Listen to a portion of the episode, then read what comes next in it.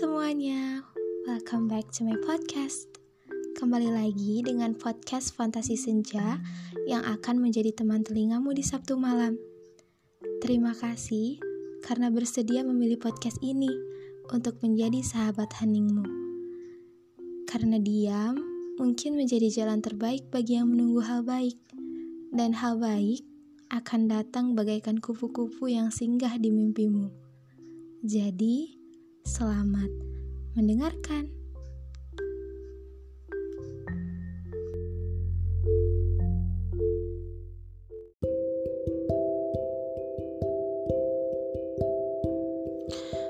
Wah, halo. Lagi digantung ya? Eh. Talinya mana? Dibawa sama yang punyanya ya?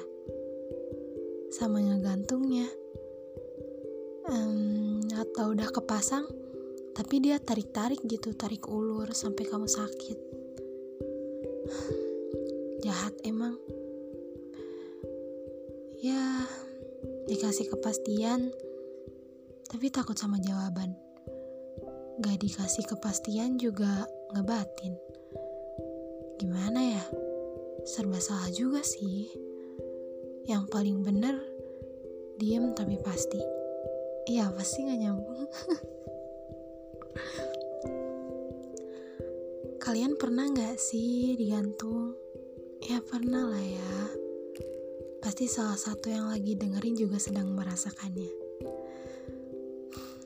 I feel that. I feel that too kita nggak bisa berharap sama orang yang ngasih langkah buat maju bareng aja hilang-hilangan kan? Kita nggak bisa berharap sama satu orang yang buat kita kayak detektif Conan. Tiap hari kita terus dikasih makan tanda tanya. Tiap hari kita terus dihantui kasus tanpa jawaban. Ya dia. Udah kayak mencintai tapi gak dicintai. Tapi judulnya gak jelas. Udah kayak nunggu, tapi gak tahu apa yang ditunggu. Serumit itu, entah ini kita sendiri yang bikin kop surat berisi, Hai hati, sekarang aku lagi digantung. Entah emang semesta yang duduk dan bikin kita sadar kalau kita sebenarnya bakal digantung terus kalau terus berharap sama dia. Gak ada yang tahu sih.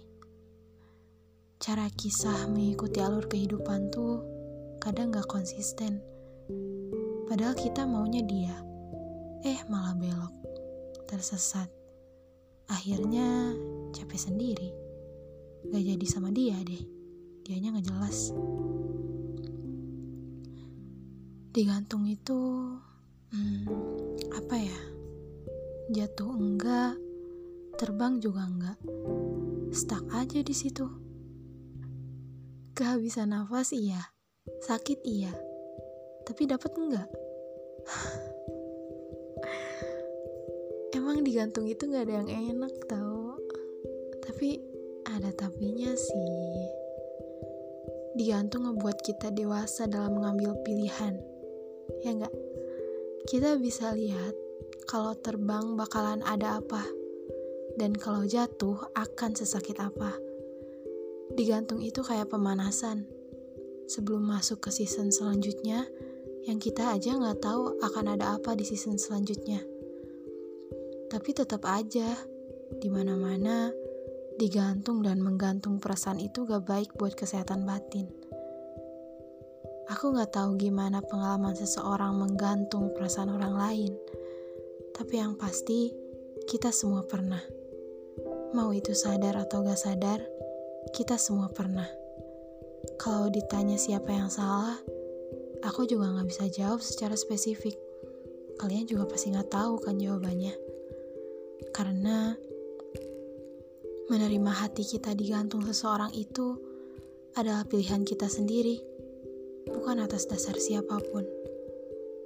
Udah aku bilang, bentuk cinta bisa dalam bentuk apa pun dan dalam situasi apa pun. Karena sampai kapan pun, apa yang kamu pilih akhirnya akan mencapai endingnya. Baik dan buruknya sebuah ending tetap akan mendewasakan kita dalam berbagai sisi. Aku gak akan sampai bilang, jangan biarkan diri kamu digantung. Gak akan. Tapi yang aku bakal bilang ya, sadar dan ngertiin diri kamu sendiri ya. Cuma diri kamu sendiri yang tahu kapan kamu harus terus bertahan dan kapan kamu harus berhenti.